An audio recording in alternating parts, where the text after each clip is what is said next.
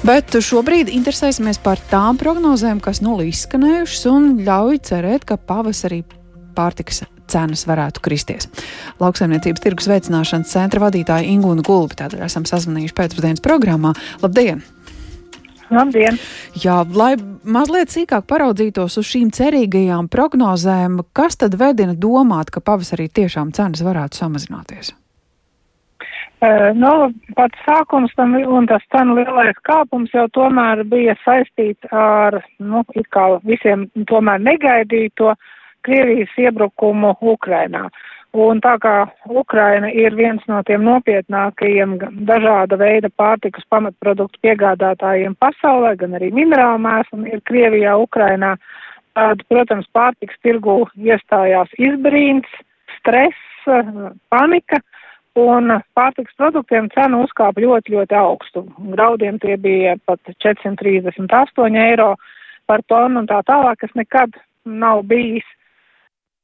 Cilvēki bija sabijušies, neizpratnē, nezināja, kā tālāk dzīvot. Un tas pats attiec arī uz uzņēmumiem, jo nebija jau vēl beidzies Covid krīzes, visas problēmas, kad loģistika apstājusies un tā tālāk, vēl jau viņa arī vēl joprojām nav beigusies, jo Ķīna pa brītiņam paziņo, ka kādas pilsētas aptur, um, nevarēs viņas kaut ko darīt, Jā. un mūsdienu pasaule jau bez Ķīnas vairs praktiski nedzīvo, vai viņi ir iesaistīti vai nu kādas preces uh, ražošanā, kāda detaļa vai daļa vai izēviela vai kādā loģistikas ķēdē, kā tādā transportā. Nu, un, nu, cik tad ilgi mēs varam tā skatīties un domāt, ir jāiemācās dzīvot pa jaunam. Un liela daļa to jau ir iemācījušies un sapratuši, tāpēc, ka To mēs redzam arī, ka enerģijas, dažādas nu, degvielas cenas ir samazinājušās, arī gāzes cenas pasaules tirgos samazinās, elektrība kļūst, nu, ne, ja ne dārgāka, tad lētāka kaut, kaut kādās formās un vietās. Un tas nozīmē, ka mēs sākam nu, dzīvot tajos apstākļos, kas uh, pašlaik ir. Viņi nav uz dažām nedēļām, uz mēnešiem, iet jau mēnešiem, mēs dzīvojam savādāk. Atraduši esam citus piegādātājus, varbūt pamainījuši receptes, kaut ko darījuši vienkāršāku, eh, patarījuši iepakojumu, ne tik grēznu skaistu, kā varbūt bijām pieraduši, bet ir vienkāršāks. Un, nu, skatāmies, kā dzīvot turpmāk. Un es domāju, ka vēl viens iemesls, kāpēc tas spiediens uz to samazināšanu būs, ka tomēr iedzīvotāju pirktspēja uz pavasaru pusi būs kritusi un būs uh, gan ražotājiem, gan tirgotājiem būs nu, spiediens, ka lielāka savas produkcijas daļa jātirgo zem pašizmaksas. Arī tagad mēs varam atrast veikalos produktus, kuri maksā dārgāk nekā mēs viņus pērkam, bet viņi vienkārši ļoti maz. Bet tad tas varētu būt daudz vairāk. Par kurām precēm ir runa, sakot, nu, ka šobrīd ir veikalā tādi svarīgi produkti, kas patiesībā maksātu dārgāk, ja būtu godīga cena norādīta? Nē, tas ir eh, katrā produktu grupā, tur ir pa kādam, tur es zinu, ka uh, granulas kaut kur ir lētākas un tā tālāk, kaut kāda pārtikas produktu, tur piens, bet uh, tas, ir vis, tas ir kopumā visām preču grupām tas tā būs. Uh, līdz ar to šobrīd ērtāk jūtas tie ražotāji, kam ir plašs uh, preču spektrs, kam ir neskaitāmi zīmoli, kas var uh, tā iekšēji līdzsvarot un izlemt, ko tā, tālāk darīt, ko paturēt un ko varbūt vairs neražot? Viena no lietām, kas mums kā patērētājiem droši vien būs priekšā, ka mums nebūs vairs tik liela uh, izvēles iespēja. Tas, ko jūs teicāt, ir daudzi uzņēmumi, kuriem ir plašs produktu klāsts, zīmolu klāsts un arī tas kaut ko maksā. Arī tirgot lielu produktu klāstu maksā, un ja mums pagājušā vasarā bija 11 veidu tomāti primī veikalā, var gadīties, ka, nu, turpmāk viņi nebūs tik daudz, jo pēc būtības jau mums arī nemaz nevajag, nu, vai mēs esam gatavi maksāt par tik lielu izvēli labāk trīs tomātu veidus un labāk, lai viņi ir lētāki.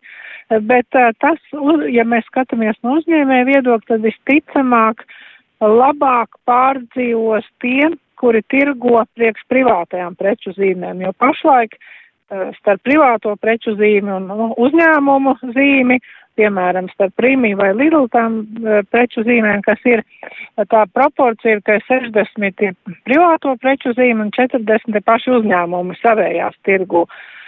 ka turpmāk tā 60 pāries uz kādiem 80%, un tas nozīmē, ka nu, tur būs liela, uz, no uzņēmuma viedokļa izskatās, ka tie būs uzvarētāji, kas tirgo priekš privātajām preču zīmēm.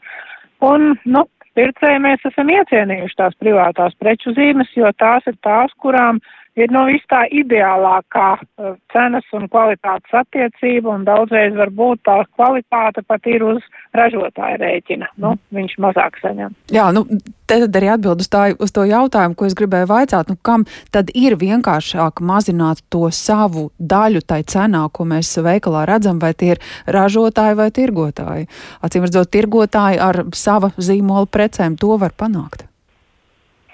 Nu, viņi tā cenšas, nu, droši vien, ka viņi to tā cenšas, bet viegli nav nevienam, ne ražotājam, ne pārstrādātājam, eh, ne nepircējam. Nepircējam, jā, tieši tā, bet viņi visi ir vienā ķēdītē. Nu, viens bez otra viņi nevar, nu, nevar būt pārtraukums, ja. Nu, kaut kas iztrūks, tad uh, zaudētāji ir visi.